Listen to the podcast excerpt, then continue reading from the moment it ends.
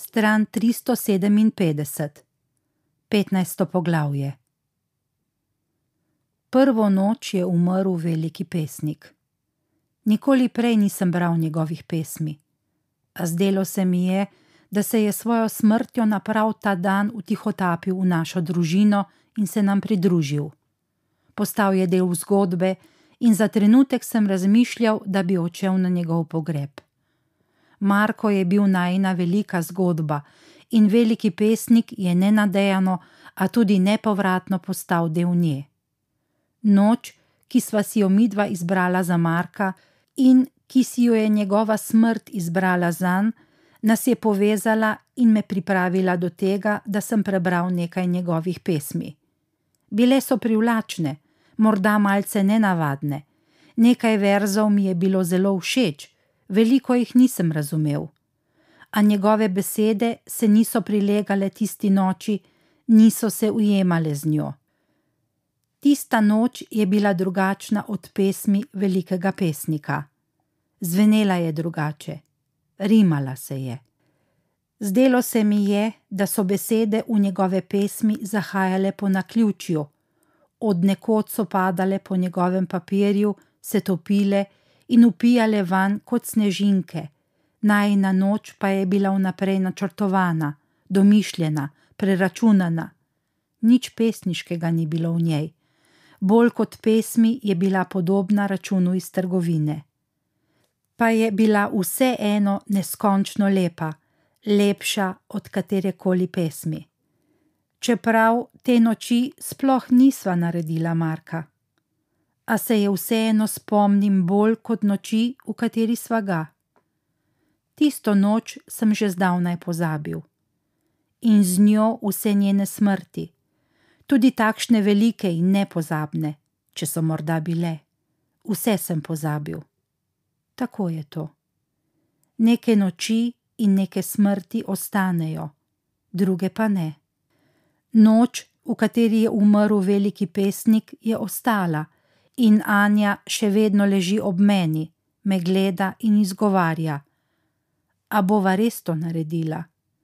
Kima mi in ona se smeji, smehom polnim strahu. Ti bi rad samo seksal, reče. Jaz pa, brez tega ne gre. A ona odkimava, vprašam jo, ali si živčna ker rad postavljam vprašanja, ki jim poznam odgovor, in ona reče: Malo pa sem. In jaz rečem: Saj bo hitro minilo. Pripravljena in že slišana šala, in ona me objame, hvaležna za moje potrpljenje, in dolgo leživa objeta, in morda premišljujeva o tem, ali je ta noč res prava noč, in ali prave noči zares obstajajo. Potem zašepeta: Dajva. In se začne slačiti, in moja roka jo boža po telesu, žgečkajo, vedno jo žgečka, kadar je živčna. A zdaj ne rečem nič, ni več čas za moje šale. Zdaj se je treba sleči in začeti z delom. Še zadnji hip, preden njena roka seže med moje noge in mi utiša misli, pomislim, da je smešno, da temu rečemo delo. Drugo noč je Anja ostala zavita v svoj rdeči šal. Ovila si ga je okrog vratu, preden je pozno popovdne izstopila iz pisarne, in tam na njenem vratu je dočakal jutro. V njenem biroju so zaključevali prvi velik projekt, pri katerem je sodelovala in njene ure so bile na prodaj, ona je bila na prodaj.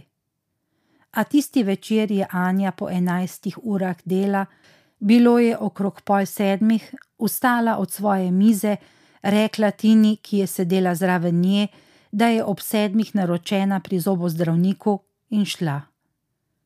Nikamor ni bila namenjena, tudi domov ne.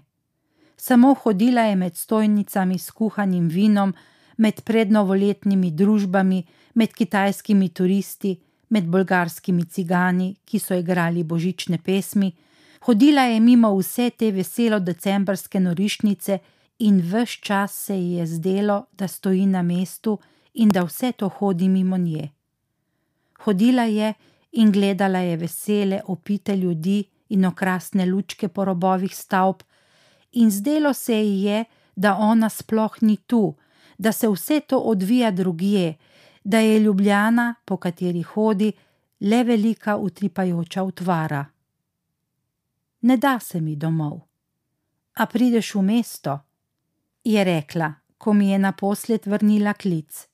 Bilo je okrog pol desetih zvečer in čakala me je na preširnovem trgu, na najnem mestu, točno tam, kjer sva se čakala, ko sva še hodila na zmenke in se držala za roke.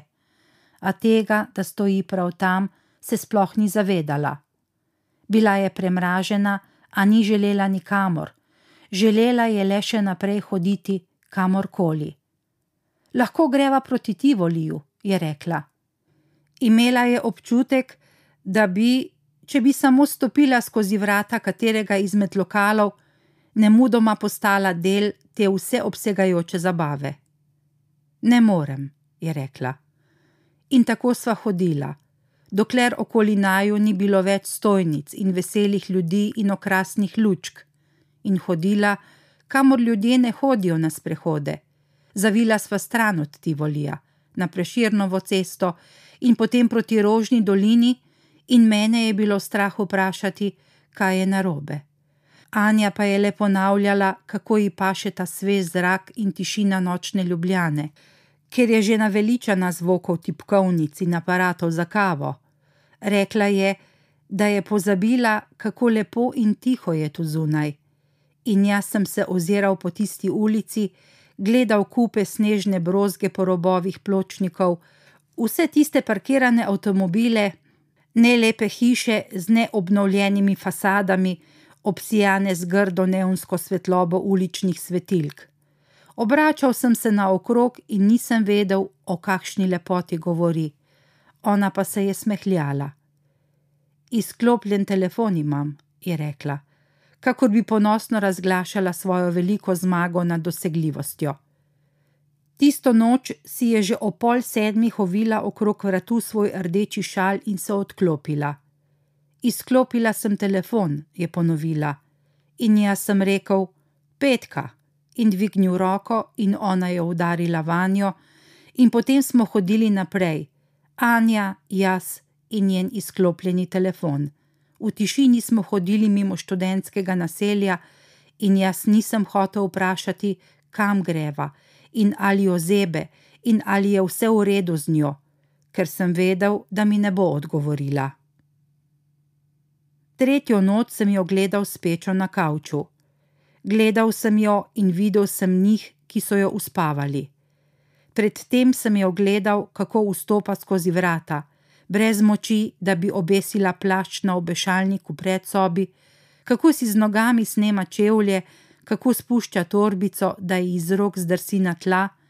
Gledal sem jo, kako požira ohlajeno kosilo, ne da bi ga okušala, kako odsotno zre v televizor, ne da bi sledila menjavanju podob, kako izgovarja besede, ki ničesar ne povedo, kako se ne pretvarja, da me posluša in se obrne stran? Kako leže na kavč, kako njeno telo obmiruje? In kako ji veke prekrijejo oči, medtem ko govori: Saj se grem preobleč. Gledal sem jo in videl sem njih, kako so se poslavljali od nje pred vrati pisarne, nasmejani, zadovoljni. Če ne bi bilo tako pozno, bi jo povabili na pivo, to pa še po službi, sploh če je za njimi dolg, naporen dan. Če zaključujejo projekt, če so v tem skupaj, če so tim, to je njihov projekt. Obnova srednješolskega tehničnega centra Naklo jim vsem veliko pomeni in lahko bi se ure pogovarjali o njej, a zdaj le stojijo na izhodu, poslavljajo se in govorijo o točnih sistemih in barvi ploščic v šolski menzi. Smejijo se, tudi Anja se smeji, polna je energije, ki bo skrivnostno izginila na njeni poti do doma. A tam, na izhodu, sem jo slišal govoriti, ponavljala je besede, kakor jih vedno ponavlja, ko govori o pomembnih stvareh, in obnova srednješolskega tehničnega centra Naklo je neskončno pomembna za vse njih in tudi za njo.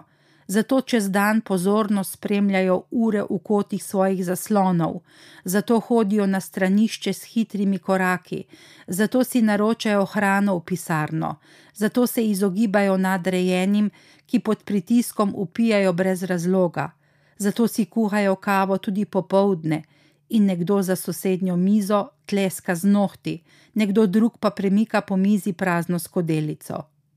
Gledal sem jo in jo videl, kako zjutraj odhaja v temi, mudi se ji in na mesto s poljubom odide z izgovorom, da me ni želela zbuditi. Rada pride zgodaj v pisarno, ko je še vse tiho, ko je nihče ne preganja, ko še ni vrste pred avtomatom za kavo in ko lahko stoji v kuhinji in gleda skozi okno ali prebira novice na telefonu iz sveta slavnih in druge zanimivosti. Občutek, da ima čas za neumnosti, jo sprošča, lajša utrujenost, s katero se zbuja. Gledal sem jo in videl, kako izčrpana od tujih sanj spi na kavču pred menoj. Imelo me je, da bi zakričal, jo prebudil in ji povedal, kako neumna je ta njena utrujenost, kako nesmiseln je ta prespani večer, kako žalostno je to, da jo gledam, kako spi, in morda bi jo res moral zbuditi in ji povedati vse to, a sem jo pustil tam, ugasnil luči in odšel v spalnico. Ona je spala na kavču in jaz sem spal sam v najni posteli, v noči, v kateri bi moral narediti otroka. Četrto noč sem molčal. Ona je imela besede in sem čakal. Čakal sem, da poje pogrete špagete z dimljenim lososom in porom. Ti kar skuhaj, si bom jaz pogrela, ko pridem. Čakal sem, da pralni stroj opere in da ona obesi perilo. Lahko bi tudi ti oprav perilo, če vidiš, da nimam časa. Čakal sem, da zaključi telefonski pogovor s Tanko. Kaj? Čakal sem, da se končajo večerna poročila. A tebe ne zanima, kaj se dogaja v Siriji? Čakal, da se vrne stranišča. Kaj so rekli, kakšno vreme bo jutri? Čakal sem, da odgovori na en e-mail. Pizda, pa to sem ji že vse razložila.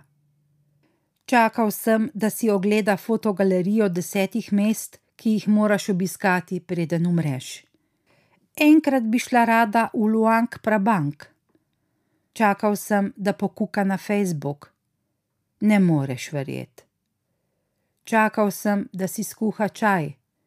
Boš tudi ti en čaj?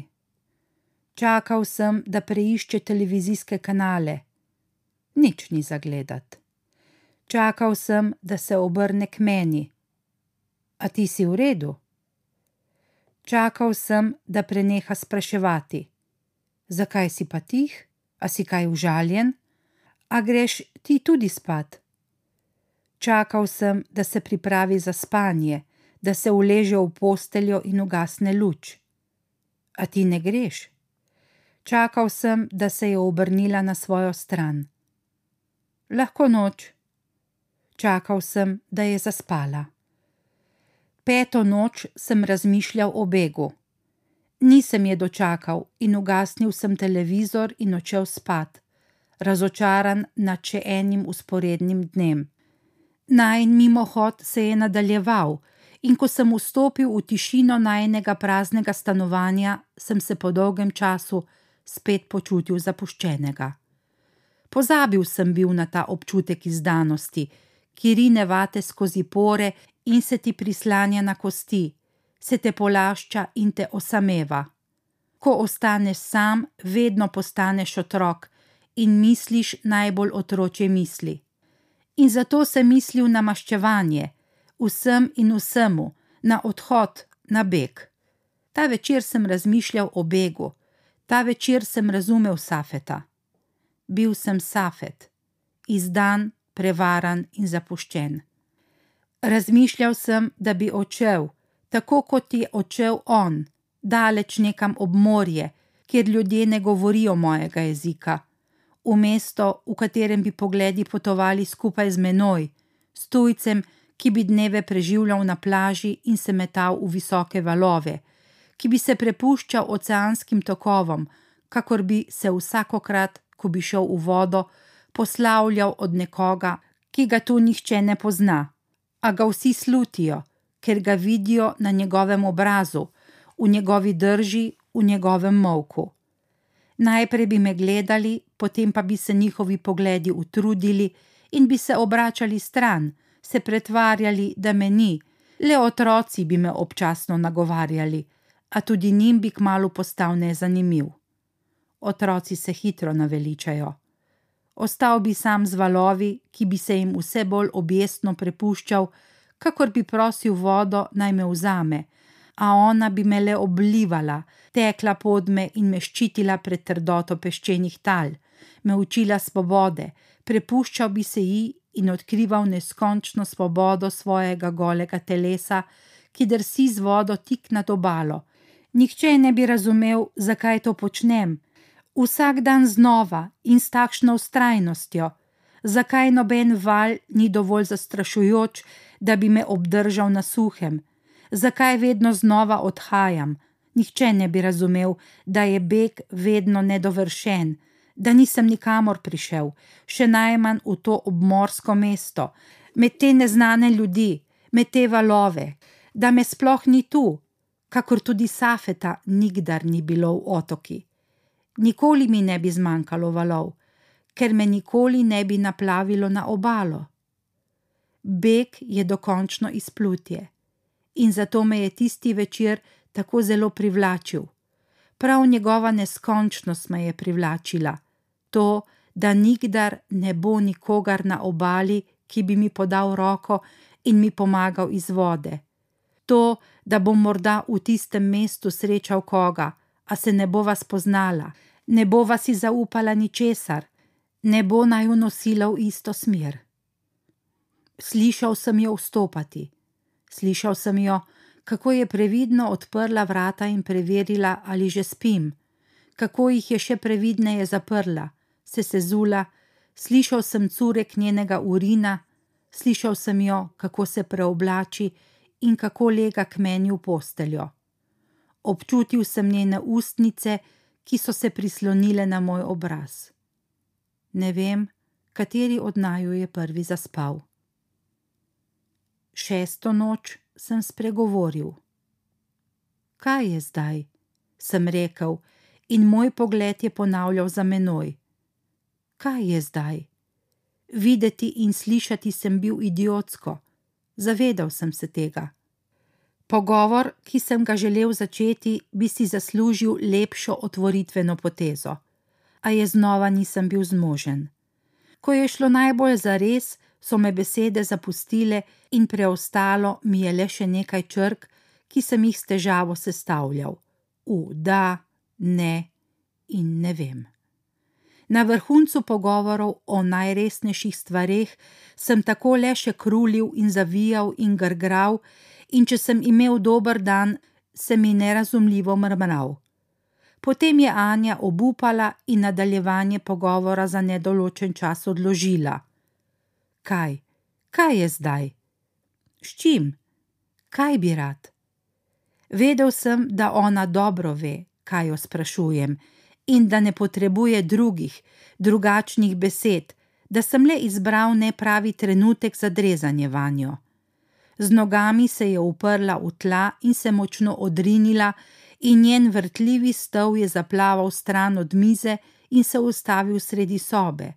Ona se je zavrtela proti meni in se zastrmela vame. Nič. Vse je bilo jasno, obema, a Anja se je zdaj zibala levo-desno in umikala pogled od mene. Branila se je z mavkom. Ne boš nič rekla. Obrnila se je nazaj proti monitorju in se zagledala v svoje načrte, Obe nogi je spustila na tla in tako ustavila zibanje stola. Vse se je umirilo in lahko sem slišal vodo, ki se je stekala v radiator. Anino zakrčeno telo mi je govorilo, da bi moral tudi to noč molčati. To je bil njen pogovor. Ona bi ga morala začeti, ko bi bila pripravljena na nan. Približala se je nazaj k mizi. Njena roka je segla po miški in kmalo je zvok njenega klikanja donev po prostoru. Niči ne bi smel reči, in zdaj bi se moral obrniti stran, se umakniti stran od nje. Ampak tako, da moj odhod ne bi bil videti kot protest zoprnjen mok. Morda bi moral nekaj reči, da bi ublažil to tišino, ki je bila za njo neuzdržna. Zdaj bi moral nekaj reči, a bilo je že prepozno. Njena roka je zdrsnila z miške in padla na mizo. Pizda, Jadran, a ne vidiš, da delam, saj veš, koliko dela imam, in še vedno težiš. Ni zmogla moči, da bi se obrnila k meni, ampak je govorila v računalnik. In jaz nisem prenesel pogleda na njen hrbet, in sem vstal in šel v kuhinjo, odprl hladilnik, si natočil kozarec jabolčnega soka. Nato sem se usedel nazaj na kavč in prižgal televizor. Anja je medtem ugasnila računalnik. Jaz grem spat, je rekla, in odšla v spalnico. Ko je šla mimo mene, je pazljivo prestopila moje iztegnjene noge, a me ni pogledala. Sedmo noč je Anja spregovorila. Ne upam si, ne upam si imeti otroka, je rekla.